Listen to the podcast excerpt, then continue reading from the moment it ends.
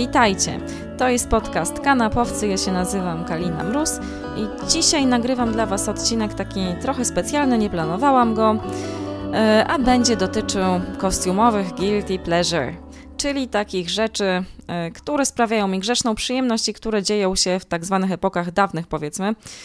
E, mam tu na myśli serial Zniewolona, ukraiński wielki hit TVP1, E, serial, który gromadził ponad 3 miliony widzów na odcinek, czyli większą ilość widzów niż fakty czy wiadomości, co jest jakimś ogromnym, ogromnym mm, sukcesem naprawdę stacji państwowej e, że akurat ten serial ściągnęli i wysłuchali próśb widzów i zwiększyli ilość jego emisji do sześciu razy na tydzień, bo na początku można było oglądać Zniewoloną tylko trzy razy w tygodniu.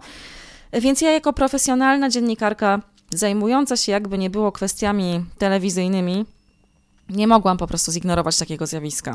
Nie mogłam zignorować głosu ludu. Taka jest prawda, mimo że normalnie opowiadam wam, opowiadam wam o serialach premium dostępnych na, na, różnych platformach e, VOD typu Netflix, HBO, Amazon, e, NC Plus Go. Już niedługo będę mówić o Apple TV e, albo Disneyu.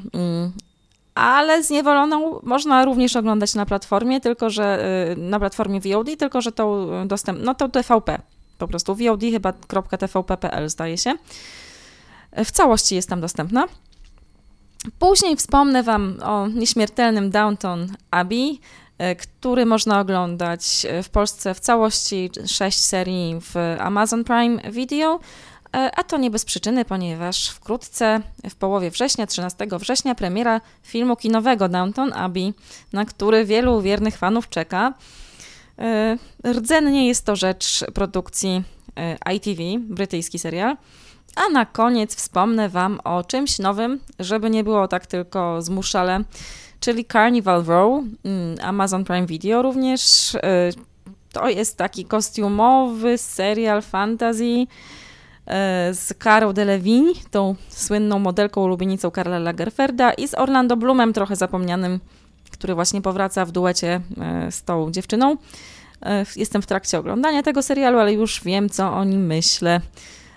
Także to są, dla mnie to są trzy takie dość przyjemne w oglądaniu guilty pleasures.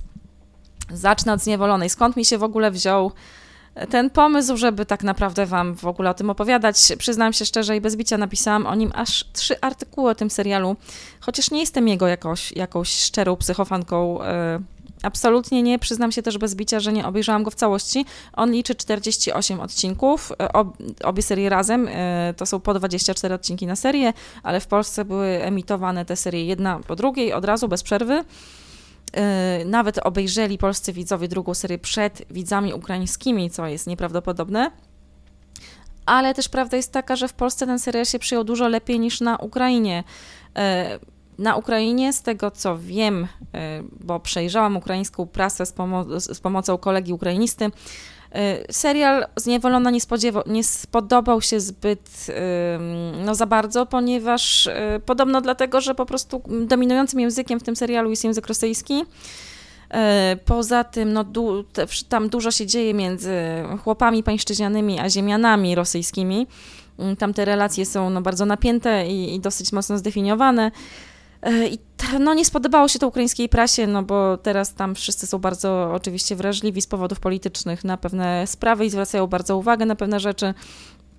E, także nie, no, woleliby zdecydowanie, żeby mówiło się tam po ukraińsku. E, tam dominuje rosyjski, jest tam trochę jeszcze surżyka, czyli mieszanki ukraińsko-rosyjskie i tylko niektórzy bohaterowie, tacy z ludu, chłopi, mówią w języku ukraińskim i śpiewają czasem ludowe ukraińskie piosenki, mm, czy też kozackie też. Natomiast obsada jest bardzo międzynarodowa. E, główną rolę gra Rosjanka Katerina Kowalczuk, w Polsce już bardzo popularna dziewczyna, 26-letnia piękność, blond włosa, filigranowa, marząca o karierze w Hollywood, absolwentka szkoły w Sankt Petersburgu. E, towarzyszy jej Łotysz Michał Gawriłow e, w świetnej roli, mm, o której zaraz Wam opowiem, Grigoria, czarny charakter to jest E, jeszcze tam się pojawiają Białorusini w tym serialu na przykład, także no obsada jest, mówię, bardzo międzynarodowa, Ukraińcy oczywiście też. I jest to jedna z największych zalet serialu Zniewolona, mm, którą zaczęłam oglądać dlatego, że Zachęciła mnie do tego moja mama. To znaczy powiedziała mi to w ramach ciekawostki, że słuchaj, na TVP1 leci ukraińska niewolnica Izaura, kostiumowa, dzieje się w XIX wieku, opowiada o chłopce pańszczyźnianej, uciskanej przez ziemianina Grigorija, który w sposób, no jest wąsatym lubieżnikiem i plugawcem, człowiekiem pozbawionym honoru, człowiekiem, który sobie w czasie wojny krymskiej strzelił w udo, żeby się wydostać e, z frontu i wrócić do domu. Do tego ukradł ordery komuś, e, znaczy towarzyszowi, e, który leżał obok niego w szpitalu i taki, no, przyjął, wziął sobie jego, jego honory na siebie. No jest człowiekiem obrzydliwym i wstrętnym e, i po prostu pała niewyobrażalną rządzą do naszej głównej bohaterki, chłopki pańszczyźnianej Kateryny, która z kolei nie jest taką typową chłopką, ponieważ e, matka Grigoria, e, Anna Lwowna-Czerwińska jest jej chrzestną i się nią przez całe życie opiekowała w sposób wyjątkowy, dała jej wykształcenie, E, dała jej e, ogładę, piękne ubrania. No i Katerina w zasadzie wyrosła na taką szlachciankę, tylko że z chłopskim pochodzeniem. To jest, e, no, ten szkielet fabularny jest dokładnie taki sam jak w Niewolnicy Izaurze. Mm, tam tylko mieliśmy do czynienia z niewolnicą na plantacji, Leoncio. Ja, sorry, ale ja będę zawsze o nim mówić Leoncio i koniec. No więc plantator Leoncio ją chciał koniecznie zniewolić fizycznie i uczynić z niej swoją kochankę. Tak samo Grigori traktuje Katerinę. E, no i tak w zasadzie cały serial, całe dwie serie właśnie zniewolonej mm, opierają się na tym, że Grigori w sposób bezwzględny ją prześladuje. Prześladuje naszą chłopkę pańszczyźnianą na różne sposoby, próbuje ją po prostu dopaść, no i właśnie pozbawić ją cnoty, bo o to mu głównie chodzi. Nie zamierza się z nią oczywiście absolutnie żenić. On jest żonaty z bardzo niewinną i dobroduszną Natalią, e, bogatą. Ożenił się z nią dla posagu. Oczywiście Grigory nigdy w życiu nie zrobiłby niczego szlachetnego, niczego z miłości też by nigdy nie zrobił. E, dla niego taka czysta, prawdziwa miłość po prostu nie istnieje. To jest zepsuty, zły człowiek. E, zresztą ma to po ojcu, świniopasie, który się dorobił i kupił sobie nazwisko Czerwiński i teraz udaje, że jest szlachcicem. E, także farbowany szlachcic. Natomiast matka, matka Grigoria naszego była rodowitą szlachcianką. E, no i cóż, sami słyszycie, że jest to taka opowieść bardzo mocno operomydlana mm, w takiej warstwie powierzchownej, podstawowej. I, a rzecz dzieje się oczywiście mm, w XIX wieku, no bo pańszczyznę, w, w Imperium Rosyjskim zniesiono w 1861 E, roku. E, akcja zniewolonej się dzieje dokładnie w 1856 roku, tuż po wojnie krymskiej, o której wspominałam. I cóż w tym serialu może być interesującego? Nie, nie powiem, żebym wam, was zachęcała w ogóle do oglądania go, yy, tak do binge'owania zwłaszcza nie. Moim zdaniem to jest rzecz, która się nadaje tylko i wyłącznie do oglądania w odcinkach z, na przestrzeniach czasu. Y, jak już mówiłam, TVP już go nie emituje, ponieważ serial się skończył, ale można go oglądać na, mm, na, na, TV, na VOD TVP1. Y, przypominam. Mm, no, ciekawe jest na pewno to, y, że Ukraińcom udało się stworzyć w warstwie realizacyjnej naprawdę przyzwoity serial, który wygląda bardzo dobrze. Kostiumy są świetne, lokalizacje są ładne, oni się tam chwalą E, swoimi najbardziej spektakularnymi zabytkami, przynajmniej tej Ukrainy lewobrzeżnej. E, pokazują swoje przepiękne cerkwie, e, piękne dwory, mm, miast, miasteczka, które się zachowały z XIX wieku w stanie takim no, w miarę niezmienionym. Bardzo ładne są kostiumy, naprawdę realistyczne. Naprawdę udało im się nakręcić serial zrobiony z rozmachem. E, do tego opera mydlana kostiumowa osadzona w naszym kręgu kulturowym ogląda się po prostu fajnie. Są tam takie rzeczy e, dla nas, myślę, ciekawe, e, brzmiące znajomo, wyglądające znajomo. Do tego dotyczące no, naszej historii również, mimo że tam Polacy nie występują w zasadzie w ogóle. Znaczy to nazwisko Czerwiński brzmi polsko, ale to są ewidentnie Rosjanie. Mm, ziemianie czerwińscy są Rosjanami, na pewno oni służyli w armii carskiej, mówią po rosyjsku, e, są prawosławni, więc nie ma tu wątpliwości. E, ale jeżeli chodzi o kwestie chłopów pańszczyźnianych, ich sytuację, mm, to jak to wyglądało wszystko w XIX wieku, my te, mieliśmy jakby dokładnie tę samą sytuację. Mm, polscy chłopi pańszczyźniani byli traktowani dokładnie tak samo jak ukraińscy, czyli nie mieli w zasadzie żadnych praw, mogli być e, wybatorzeni na śmierć, sprzedani jak niewolnicy. E, było to szokujące dosyć i ten serial przypomina ten niechlubny epizod w naszej historii wspólnej, naszej i Ukrainy. Samo to w ogóle, że to się wszystko dzieje na Ukrainie, dla mnie jest wielką zaletą i jest zrobione przez Ukraińców, ponieważ w Polsce po prostu nie mamy na co dzień okazji oglądać prawie niczego, co pochodzi z Ukrainy.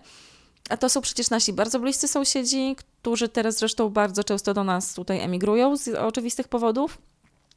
Łączy nas z nimi bardzo bolesna i ciekawa historia.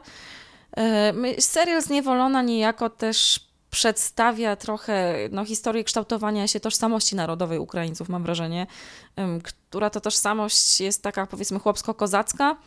E, I tam naprawdę sporo się można dowiedzieć na temat, e, na temat właśnie tego, jak oni siebie postrzegają, właśnie w, kont- w kontraście do pewnej takiej tożsamości szlacheckiej, z którą my z kolei Polacy się chętniej utożsamiamy, prawda? Ten nasz mit sarmatyzmu jest e, wiecznie żywy. Y, u nich to wygląda zupełnie inaczej. Właśnie u nich mam wrażenie, że powodem do pewnej dumy i chluby są właśnie te korzenie chłopskie. Tam to jest podkreślone, pokazane zwłaszcza w momencie, w którym Katerina y, właśnie zaczyna smakować tego życia na polu, zaczyna się wreszcie bratać z chłopami y, i zaczyna no, odkrywać, kim tak naprawdę jest, kiedy opuszcza dwór i właśnie ląduje wśród swoich tak zwanych i zaczyna dzielić ich ciężki los. E, to też jest dla mnie bardzo interesujące. Z innych zalet fajne jest to, e, że twórcy naprawdę odrobili lekcje, jeżeli chodzi o XIX-wieczne realia. To jest serial osadzony w swoich czasach. E, bohaterowie no, są ludźmi, którzy zachowują się na sposób XIX-wieczny. I są tam też ciekawe całkiem problemy poruszane, no, na przykład kobiece. To znaczy tutaj akurat twórcy się nieźle wykładają. To jest bodajże twórczyni Tala Tala Pristajecka bodajże jest twórczynią i pomysłodawczynią, ale nad Zniewoloną pracował zespół scenarzystów. No i ci twórcy się akurat tutaj na tych sprawach kobiecych trochę wykładają, ponieważ ewidentnie próbują nam mm, kilka takich fajnych y, bohaterek feminizujących stworzyć, tylko że jakoś tak, nie, nie wiem dlaczego, ale te nasze bohaterki, kobiety, które próbują na przykład prowadzić własne biznesy, nie chcą e, wychodzić za mąż dla pieniędzy, nie chcą się słuchać ojca w sprawie wyboru małżonka i generalnie marzą o tym, żeby się uniezależnić od wszystkich, są często przedstawiane jako jakieś takie czarne charaktery, jako jakieś takie nadmiernie dominujące demonice które chcą tutaj właśnie zniewolić i zdominować mężczyzn i zmusić ich y, do jakiegoś uczucia, popadają w szaleństwo, na przykład bardzo, bardzo demoniczna Lidia Szefer, mm, chyba najgorsza postać w całym serialu, gorsza jeszcze niż Grigori, to wydaje się to niemożliwe, ale naprawdę ona była straszną sadystką. Mm, to jest właśnie kobieta, która samodzielnie zarządza majątkiem, jest jedyną dziedziczką ogromnej, ogromnej posiadłości, no i naprawdę y, jest przedstawiona w bardzo, bardzo złych barwach, a w drugiej serii pojawia się ruda, taka rudowłosa szlachcianka, twórczyni, która uczy się samodzielnie robić perfumy i chce założyć własny biznes. No i również ona jakby też gardzi różnymi konwenansami związanymi właśnie z sytuacją kobiet yy, i robi to w sposób, jest bardzo odważna, jest bardzo przebojowa i też tak, no ta postać zaczyna w pewnym momencie zmierzać w bardzo niepokojącym kierunku. Nie chcę wam tutaj od razu wszystkiego zdradzać, bo a nuż się odważycie i pooglądacie trochę zniewolonej z ciekawości, ale rzeczywiście to jakoś tak y, wydawało się, że, że właśnie twórcy dali nam tę fajną postać feministyczną, ale ją bardzo szybko psują. Cóż jeszcze, no, a propos tego XIX wieku, mm, fajne w Zniewolonej jest jeszcze to, że y, twórcy powyciągali takie różne historyczne ciekawostki i naprawdę upletli wokół nich y, szalone zupełnie wątki. Dzięki serialowi Zniewolona dowiedziałam się na przykład, cóż to była za sekta Skopcy. Moi drodzy, sekta Skopców to była po prostu jakaś kompletnie, to był jakiś kompletnie szalony ruch religijny takich prawosławnych kastratów. Oni się też nazywali białymi gołębiami, no byli kompletnymi wariatami, e, niebezpiecznymi też ludźmi. I tutaj właśnie w serialu Zniewolony oni mają swój odjechany, mówiąc brzydko, wątek, naprawdę i są demoniczni, co oni wyprawiają, w głowie się nie mieści. E, natomiast jest to rzecz z życia wzięta, po prostu twórcy sobie tego nie wymyślili. Podoba mi się też to, jak bardzo zwracają uwagę na pewne takie no XIX-wieczne przywiązanie do religijności też, takie na granicy obłędu trochę, takie fanatyczne lekko. Też mi się, ciekawie też bawią się takimi elementami, powiedzmy, gotyckimi i historycznymi też jakimiś wątkami, które znamy już z innych, z innych kręgów kulturowych. Na przykład się pojawia ktoś tam taki w rodzaju Kuby rozpruwacza, ale to wszystko jest jednak cały czas bardzo zintegrowane mm, no, z realiami no, wschodnimi. Też mi się to podoba, czapki z głów, że twórcy Zniewolonej nie próbują się w żaden sposób e, podlizać Zachodowi, nie naśladują. Naprawdę to jest wszystko bardzo, bardzo ukraińskie. Bardzo wschodnie, rosyjsko-ukraińskie powiedziałabym, może tak. Fajnie pokazują swoją kulturę. Bardzo jest ładna scen, bardzo ładny odcinek chłopskiego wesela. To jest finałowy odcinek drugiej serii bardzo mi się podobał, bardzo mi się podobało, że przedstawiono właśnie chłopskie wesele w dworze szlacheckim, zderzono te dwie kultury w bardzo ładny sposób, y, ale, o ja zachwalam, zachwalam, ale oczywiście, yy, słuchajcie, serial Zniewolona to nie jest serial premium, to jest, jak podkreślam, kostiumowa opera mydlana, guilty pleasure yy, na wysokim poziomie, grze, przyjemności, w sensie, że to jest naprawdę grzeszna przyjemność, naprawdę duża, dużo, dużo w tym takiego grzechu w oglądaniu. E, jest dlatego, że no tam się dzieją rzeczy pocieszne, na poziomie realizacyjnym też e, bardzo zabawnie wypadają sceny akcji, sceny pojedynków. E, ta miłość, która jest tam przedstawiona, uczucia no, są bardzo, bardzo takie romantyczne, y, dosyć jednowymiarowe są postaci, chociaż nie wszystkie. Muszę przyznać, że w drugiej serii w ciekawy sposób też niektóre no, postaci, niektórzy bohaterowie ewoluują psychologicznie. Na przykład jedna taka zła chłopka o imieniu bodajże Halka bardzo ciekawie się zmienia.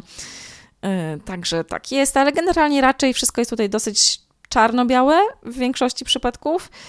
Y, no i takie mówię, no takie naiwne, no mocno, mocno naiwne.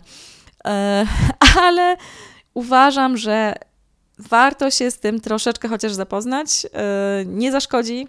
Do sprzątania, do prasowania bardzo dobre, do gotowania też świetne. Można się trochę pouśmiechać, pośmiać, można się zapoznać e, z kulturą naszych braci Ukraińców. Generalnie ja no, nie oglądałam tego w całości, szczerze powiedziawszy, tak naprawdę z tych 48 odcinków myślę, że widziałam około kilkunastu raptem, ale byłam absolutnie zorientowana w tym, co się dzieje, bo tutaj też ta akcja dzieje się bardzo niespiesznie, umówmy się. Tam nie w każdym odcinku się dzieją szalone rzeczy.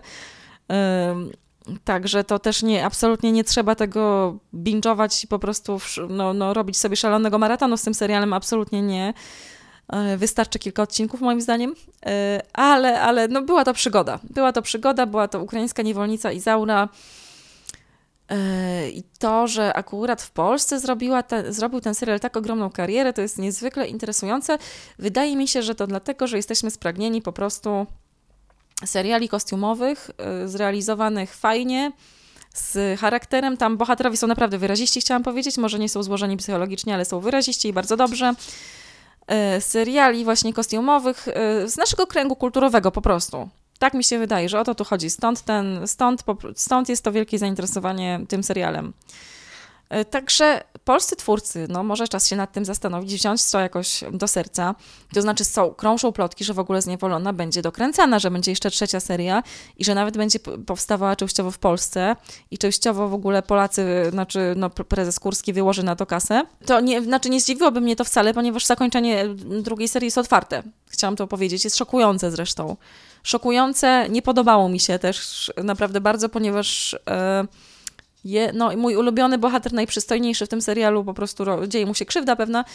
E, nie, nie będę zdradzać za wiele, ale tak, tak, odważnie popłynęli twórcy w, w finale, naprawdę. Mm, to nie, jeżeli, jeżeli zamierzają w ten sposób zakończyć na amen ten serial, no to, to myślę, że jego fani są do tej pory w szoku. E, tak, także tyle na ten temat. E, a teraz całkowicie zmieniamy krąg kulturowy i trochę zmieniamy epokę, to znaczy przenosimy się na początek XX wieku e, do Wielkiej Brytanii, e, do dworu, pałacu mm, Downton Abbey. Na pewno o nim słyszeliście, przecież on był emitowany też chyba na dwójce nawet leciał, już nie pamiętam. Generalnie serial niezwykle znany, kręcony przez 5 lat między 2010 a 2015 rokiem. Rzecz Juliana Fellowsa, wielkiego dżentelmena, znanego na wyspach i uwielbianego właśnie za Downton Abbey, ale też scenarzysty, który napisał film Gosford Park Roberta Altmana, znakomity zresztą. Mm, to jest taka ambitniejsza wersja Downton Abbey, tak bym to, tak bym to, powiem, tak bym to ujęła. E, ale też młodą Wiktorię napisał na przykład Sir Julian Fellows, e, także no, on specjalizuje się zdecydowanie w repertuarze kostiumowym i robi to dobrze. Ale dlaczego w zasadzie mówię o serialu, który zdobył wiele nagród, bo on Downton Abbey oczywiście, który zdobył wiele nagród, przecież no, tutaj wiele, no, są Złote Globy, na, na, za najlepszy miniserial lub film telewizyjny w 2012 roku. Był wielokrotnie nominowany do nagrody BAFTA, wygrał Emmy, no, zasłużoną całkowicie mm, dla aktorki drugoplanowej w serialu dramatycznym Maggie Smith, o czym zaraz jeszcze wspomnę. E, także tak nagradzany, tak doceniany serial, ale ja tu go tutaj wkładam do szufladki Guilty Pleasure. No wstydziłabym się, to prawda? Dlaczego Guilty w ogóle? No więc słuchajcie, po pierwsze dlatego, e, że ten serial, który opowiada o sadze, to jest taka rodzinna saga rodu Crowley, e, czyli bardzo bogatego arystokratycznego rodu, który zderza się ze zmianami historycznymi obyczajowymi w Wielkiej Brytanii. E, to jest rzecz generalnie, która porusza taki ulubiony przez Brytyjczyków temat, mm, jak mi to tłumaczyła moja ciocia, która mieszka w Londynie od wielu, wielu lat, góra-dół, jak to ona mówiła. To Anglicy uwielbiają, Brytyjczycy w ogóle, kwestię góra-dół, czyli tych, którzy mieszkają na górze, czyli arystokratów klasy najwyższej, i dół, czyli po prostu służby, biedoty, plepsu tak zwanego. Brytyjczycy mają na punkcie klasowości o kompletną obsesję i nie przesadzam, mieszkałam w Wielkiej Brytanii, wiem co mówię, to jest dzisiaj, do dzisiaj bardzo żywy temat i Downton Abbey właśnie mniej więcej o tym opowiada, o życiu w bardzo bogatej posiadłości, gdzie te dwa światy się ze sobą zderzają i przeplatają, gdzie każdy ma swoje miejsce, swoją funkcję, gdzie ktoś chce y, no, jakoś awansować po szczeblach drabiny społecznej, gdzie te, gdzie te rzeczy zaczynają się mieszać, ponieważ no, bogata panna zakochuje się w szoferze na przykład z wzajemnością i z nim ucieka i tak dalej, i tak dalej. E, serial jest naprawdę jedną z najprzyjemniejszych rzeczy, które można w telewizji obejrzeć. E, musiałam zrobić małą przerwę, żeby wyjść z psem, ale już wróciłam. W każdym razie Downton Abbey jest to serial bardzo przyjemny w oglądaniu. E, pod wieloma względami, e, nie mówię już tylko o zdjęciach, o tym, że aktorzy grają bardzo fajnie i Julian Fellows ma taki dar, że naprawdę rozpisuje bardzo ciekawych bohaterów, którzy są jacyś. Bonneville gra bardzo fajną rolę, hrabiego, Granham głowę rodu Crowley właśnie. Y, zresztą nie wiem, czego pamiętacie z Notting Hill, gdzie on zwykle grywa takie w ogóle pierdołowate postaci i tam ma taką sztandarową swoją rolę tego przyjaciela, głównego bohatera granego przez Hugh Granta, y, który cały czas się martwi, że jest za gruby, żeby go ktoś pokochał. No tutaj rola zgoła inna, ale też wrażliwca, powiedziałabym, który chwilami mm, też ma trochę problemy z wiarą w swoją, w swoją męskość i dominację ale gra człowieka bardzo szlachetnego i takiego ciekawego też pod wieloma względami, tylko takiego, który z trudem akceptuje zmiany e, społeczne, które zachodzą. I właśnie zresztą, jak wspominam o tych zmianach, jest cały serial. Bardzo mi się podoba w nim to, że e, poszczególne serie są podzielone na pewne epoki. To znaczy, pierwsza seria zaczyna się w 1912 roku, a kończy w 1914 w dniu ogłoszenia e, I wojny światowej, wybuchu I wojny światowej. E, kolejna seria to już jest właśnie I wojna światowa e, ze wszystkimi jej nieprzyjemnymi realiami i doświadczeniami. Jeden z głównych bohaterów czynnie w niej uczestniczy. W ogóle druga seria jest naprawdę świetna, aczkolwiek są tam chwilami takie potknięcia może troszeczkę naiwne, na przykład scena, w której właśnie pan, młody pan Crowley mm, zostaje postrzelony w okopach e, i w tym samym momencie jego ukochana e, i staje, jakby ma takie złe przeczucie, że upuszcza filiżankę i mówi, że poczuła coś, przeszedł ją jakiś dziwny dreszcz i tak dalej. No to jest takie troszeczkę hmm, y, romantyczne, romantyczne bardzo myślenie o, o, o pewnych no, emocjach łączących ludzi. No i takie, takie mówię, trochę naiwne, ale, ale już tak bardzo bym się tego wszystkiego nie czepiała. E, generalnie trzecia seria też jest niezła, e, tylko że już tam się właśnie zaczynają schodki. E, to znaczy, dlaczego guilty, prawda? No bo powiedziałam, dlaczego pleasure. Natomiast guilty głównie dlatego, że wkrada się pewna pościelowość w ten serial. To znaczy, on jest tak przyjemny w oglądaniu, że aż trochę za przyjemny. Jest tak, ten wchodzi tak bardzo gładko i tam te, niektóre te wątki są takie dosyć operowo mydlane, zwłaszcza jeżeli chodzi o czarne charaktery. Mm, mówię tutaj o służbie. Jest tam taka postać tak zwanego złego geja, e, który jest po prostu bardzo demoniczny i ten jego homoseksualizm troszeczkę tam jest przedstawiany w pierwszej serii, zwłaszcza jako jako właśnie pewna taka demoniczna jego cecha, co jest dosyć przerażające, no, jeżeli na to spojrzymy ze współczesnej perspektywy. Na szczęście pan Julian Fellows z czasem się zorientował, że to trochę już nie wypada w XXI wieku w ten sposób przedstawiać homoseksualistów, mm, więc no, jakby jego dramat tej postaci wybrzmiał w pewnym momencie i to, że on jest w swoich czasach odmieńcem i musi się ukrywać z tym, kim jest, mm, to już nadało mu właśnie akurat, no właśnie akurat to nadało mu pewnych takich ludzkich rysów i, i ten bohater się trochę zmienia. E, natomiast cały serial mam wrażenie, że właśnie się trochę wali po trzeciej serii, dlatego że garść aktorów zrezygnowała, po prostu nie przedłużyła kontraktów po trzeciej serii, e, a z tego co czytałam, to właśnie no, aktorzy byli zakontraktowani na, na, na, te pierwsze trzy lata produkcji i były to postacie kluczowe. Przede wszystkim właśnie y, wspomniany Matthew Crowley, grany przez y, Dana Stevensa, aktora, którego dzisiaj możecie kojarzyć przede wszystkim z serialu Legion, dość popularnego w kręgach fanów seriali superbohaterskich czy sci-fi, który można oglądać u nas w HBO, HBO mm, Go. No i Dan Stevenson w Downton Abbey grał bardzo ważną rolę, w zasadzie no, jedną zdecydowanie z głównych ról. I on nie przedłużył sobie kontraktu, e, co zaowocowało tym, że Julian Fellows musiał się Matthew Crowley'a pozbyć. I pozbył się go w sposób dosyć drastyczny i dosyć mocno no, mało zgrabny, powiedziałabym. Po prostu go uśmiercił, e, co chyba no, nie jest tajemnicą. Nie sądzę, żeby wam, żebym wam to mówiła jakiś wielki spoiler, ponieważ to jest sytuacja, która się wydarzyła wiele lat temu, e, bodajże w 2013 roku. I było o niej bardzo głośno. No, media brytyjskie oszalały po prostu i dziennikarze i wszyscy wtedy.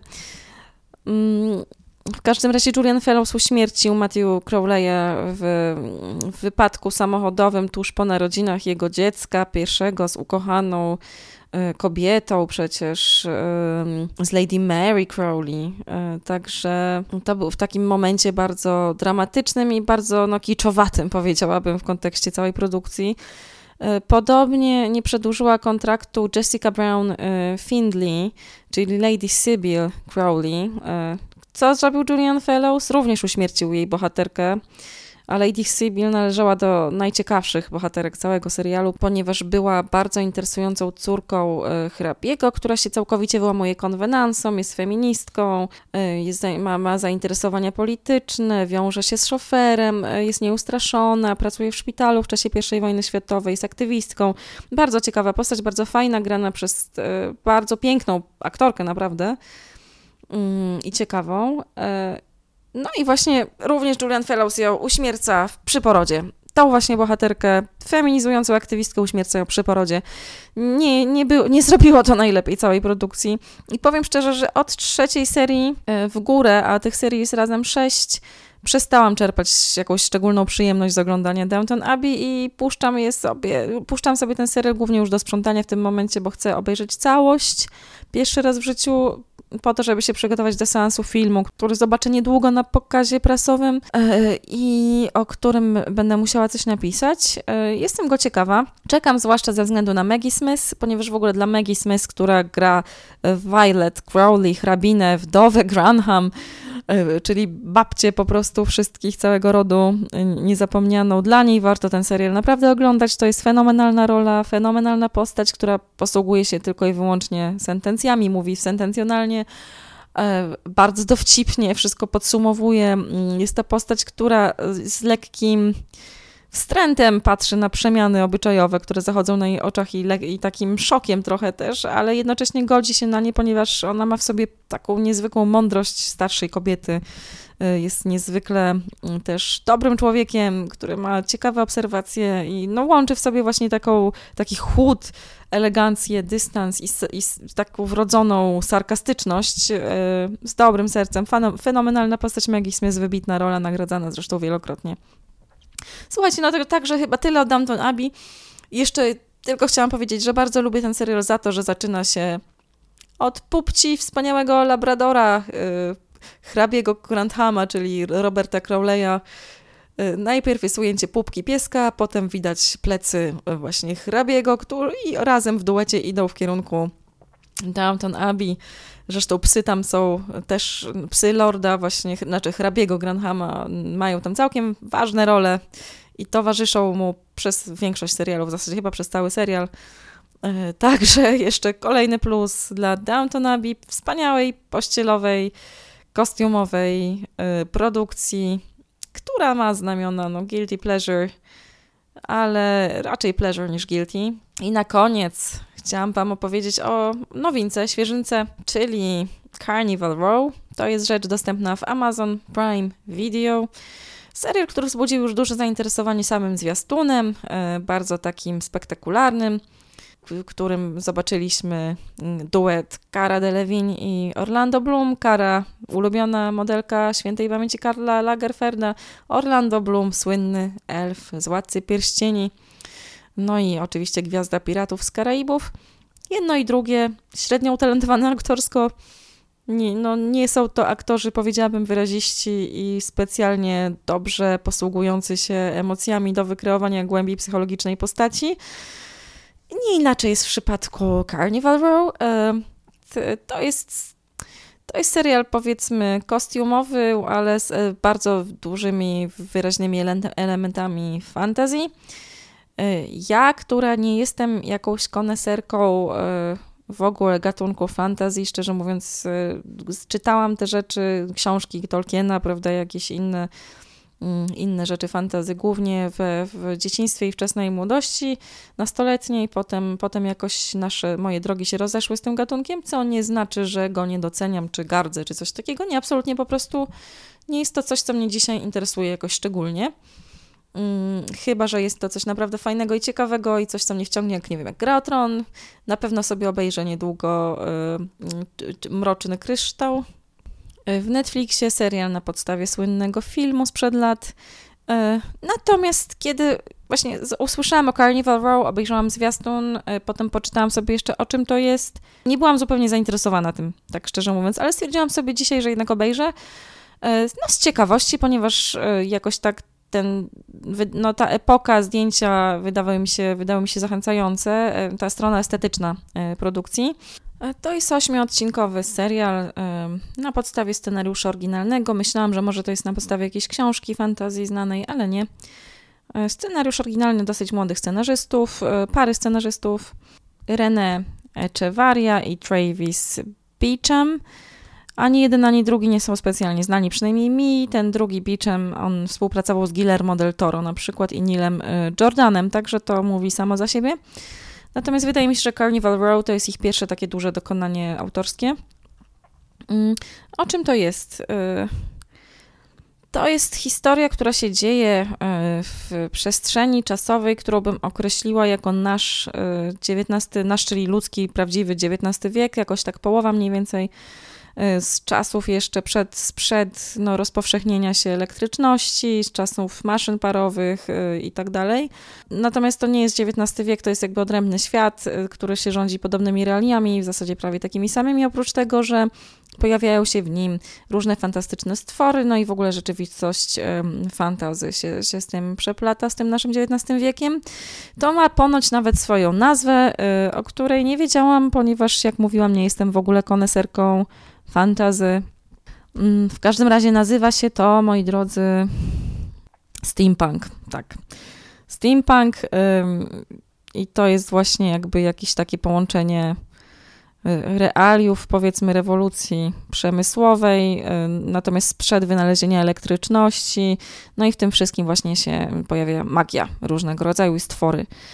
E, także, także to, to jest coś takiego. I w praktyce to wygląda tak, że no mamy taki XIX-wieczny Londyn, e, właśnie mówię, przed wynalezieniem elektryczności, tylko że i wszystko tam jest w zasadzie bardzo podobne do, nie wiem, do Reaper Street, serialu Reaper Street, serialu Alienista, e, nie wiem, serialu Tabu Toma Hardiego, tylko że zamiast, czasami zamiast ludzi pojawiają się tam nimfy, które mają skrzydełka trochę jak takie ważki i tak sobie latają, albo ludzie, którzy mają rogi, jak barany na przykład, o, e, i kopyta też mają, mm, ale są ludźmi przy tym i to, i to się nazywa, że oni są innej rasy po prostu niż, niż zwykli ludzie, czy zwykli no, ludzie bez kopyt i skrzydeł. E, także tak to wygląda w praktyce. Historia jest miłosna, ta, ta główna oś, taka narracyjna, punkt wyjścia jest miłosny. Mm, siedem lat wcześniej, przed wypadkami, które oglądamy, y, pewna nimfa zakochała się w człowieku, a trwała akurat wojna między ludźmi a nimfami, więc była to zakazana miłość. E, I losy tych bohaterów po siedmiu latach ponownie się przecinają, kiedy nimfy są już mm, takim, powiedzmy, taką rasą e, traktowaną przez ludzi bardzo pogardliwie, są też pewnym, są też uchodźcami po prostu w, w tym naszym XIX-wiecznym pseudo-Londynie, który ma swoją nazwę, ale zapomniałam, jak się nazywa to miejsce, przepraszam. Um, słuchajcie, no ten serial jest przede wszystkim bardzo ładnie zrobiony. Ta strona wizualna jest bardzo pociągająca, bardzo się na nią, na nią przyjemnie patrzy, sprawiało mi niekłamaną radość wyławianie jakichś takich różnych e, stworków, potworków, drobiazgów, jakichś smaczków z typu, nie wiem, XIX-wieczny taki teatrzyk na przykład. No, jest tam dużo, bardzo dużo nawiązań do klasycznej literatury i do historii, do wydarzeń historycznych. E, tak dużo, że aż za dużo, no bo w zasadzie nie ma tam niczego oryginalnego. Tam, no nie ma nic, po prostu wszystko, wszystko to już, wszystko co tam oglądamy już wcześniej widzieliśmy. To jest serial złożony z naprawdę utartych klisz. E, także no też nie sprawi wam jakoś, e, nie zabije wam ćwieka, nie będzie wam się go trudno oglądało po prostu, bo on, on was niczym nie zaskoczy. E, druga rzecz jest taka, że jest tam, no, te wątki zaczynają się w nim w pewnym momencie piętrzyć i, i rozchodzić na wielu bohaterów. E, I jakoś tak z tego powodu trudno się w cokolwiek wciągnąć, jakoś zaangażować specjalnie w losy, w losy postaci, które są swoją drogą niesamowicie wprost papierowe. Nie do nieprzyzwoitości papierowe, tak naprawdę nie mają żadnych charakterystycznych cech. A jeszcze, jeżeli jeszcze dodać do tego fakt, że grają właśnie głównych bohaterów, gra para tak bardzo mało wyrazistych aktorów, jak właśnie Orlando Bloom i Cara Delevingne, między którymi nie ma za grosz chemii. Za to jest jedna bardzo pocieszna scena erotyczna, znaczy jedna, pewnie jest więcej, ale widziałam, doszłam do trzeciego odcinka i tam, tam się ta scena pojawia. E, no to, to w zasadzie nic więcej się między nimi ciekawego na poziomie psychologicznym nie dzieje, moim zdaniem, mimo że twórcy, scenarzyści się bardzo starają, żeby to było, była szalenie dramatyczna historia miłosna, ale jakoś tak trudno się nią przejąć, bo trudno w nią uwierzyć po prostu. Natomiast naprawdę przyjemnie się patrzy na ten świat, szczerze powiedziawszy. Jeżeli się, zwłaszcza jeżeli ktoś jest fanem takich rzeczy. Ja osobiście fantazy kupuję raczej w sytuacji, w której no, ta cała magia, jakieś mityczne stworzenia typu smoki, po, jakieś potworki, gobliny, nie wiadomo co, dzieją się w, takiej, w takich czasach bardziej zbliżonych do średniowiecza jakoś tak y, i w całkowicie odrębnym świecie od naszego, całkowicie wymyślonym od podstaw. Zresztą tu w tym przypadku Carnival Row niby tak jest, ale ja i tak widzę, chcąc nie chcąc, widzę XIX-wieczny Londyn, który nie jest XIX-wiecznym Londynem, nic na to nie poradzę. Natomiast po prostu jakoś tak mówię, fantazja mi bardziej, bardziej styka do takiej dalszej przeszłości i innych realiów troszeczkę, nie rewolucji przemysłowej, tylko dużo, dużo wcześniejszych. Być może dlatego, że po prostu średniowiecze się łączyło z taką mitologią, wiarą, nawet jak się patrzy na sztukę średniowieczną, na te wszystkie, na te wszystkie bestiariusze, to po prostu były rzeczy zakorzenione w wyobraźni no, ludzi z tamtych czasów smoki, prawda, rycerze, to wszystko wtedy, wtedy się działo tak naprawdę i łączyło się z jakimś myśleniem magicznym bardzo specyficznym. W XIX wieku z kolei raczej już chodziło chyba o pewien fanatyzm religijny. Czy fanatyzm, no dla nich to nie był fanatyzm, dzisiaj my na to patrzymy trochę inaczej, ale takie no, jakieś mistyczne uniesienia, religijność, jakieś też takie naleciałości kolonialne, prawda, zderzenia z innymi kulturami. To, to było bardzo ciekawe i jakoś tak bardziej bym chyba, jeżeli już miałabym mieszać magię z rzeczywistością, to szukała w tym kierunku i to chyba byłoby dla mnie ciekawsze. No, na przykład właśnie Tom Hardy w Tabu wykorzystywał te elementy takiej XIX-wiecznej właśnie wyobraźni i mistycyzmów i uniesień religijnych i tak dalej e, i w ogóle no, no z tej taki XIX-wieczny sposób myślenia o świecie wykorzystywał w bardzo fajny sposób. No a tutaj, tutaj twórcy idą w zupełnie innym kierunku. E, no i wiecie co, jakby da się to obejrzeć jak najbardziej, da się to obejrzeć z estetyczną przyjemnością. E, natomiast jeżeli o mnie chodzi, nie wiem, czy będę ciągnąć to dalej. Trochę mi szkoda czasu na takie rzeczy. Lubię właśnie seriale kostiumowe mm, z XIX, z XIX, osadzone w XIX wieku bardzo, y, ale dla mnie ta epoka sama w sobie jest właśnie tak bardzo egzotyczna i pełna różnych ciekawych rzeczy, no, takich wręcz z dzisiejszej perspektywy nierealnych do wyobrażenia sobie, że nie potrzebuję ubarwiania tego XIX wieku jakimiś jeszcze do tego stworami fantazy. Nie jest mi to potrzebne. E, no zwłaszcza, że mówię, akcja, scenariusz, sama historia jest naprawdę mało interesująca i mało oryginalna. To jest oczywiście taka rzecz, no, taka metafora sytuacji uchodźców. E, naprawdę widujemy te rzeczy bardzo często w serialach, no, jest poruszony, ten temat jest często dużo bardziej ciekawie, po prostu dużo bardziej jakiś taki przejmujący sposób, e, albo, albo po prostu bardziej zwariowany i zmyślny. Już nawet serial Przybysze wydaje mi się ciekawszy, jeżeli chodzi o tę tematykę, bo jest przynajmniej szalenie oryginalny, dziwacznie oryginalny, czego nie można powiedzieć o Carnival Row. Mm, no i jeszcze w Carnival Row brakuje mi troszeczkę poczucia humoru. To jest jakoś wyjątkowo mało zabawny serial. Jakoś taki naprawdę straszliwie poważnie twórcy podchodzą do, do tej opowieści. Tam chwilami się jakiś dystans pojawia, ale wyjątkowo rzadko. Mogłoby być go znacznie więcej. Naprawdę. Jednak ludzie, no, opowiadacie o, o, o postaciach, które mają, no, no, bohaterach, które, którzy mają rogi jak barany, no, chwilami, więc hello, może trochę, trochę wiecie. Mm trochę może by się przydało więcej tego humoru, trochę, żeby był trochę wyrazistszy i auto jakiejś ironii i dystansu do, do, do tego, co robicie. Yy, tak jak w ogóle trochę, no, przydałoby się też trochę więcej finezji w pisaniu dialogów, które są wyjątkowo ekspozycyjne i, i chwilami strasznie takie papierowe i łopatologiczne. Też chwilami przydałoby się trochę więcej finezji w używaniu metafor, no bo jednak ta wojna, o której jest mowa, która tak się, no mundur taki trochę z wojny secesyjnej, no tak no, przypomina Jankesa, Orlando Bloom i to wszystko jest takie mm, znajome, tak? Y, no, wiemy o co chodzi, wiemy o co chodzi.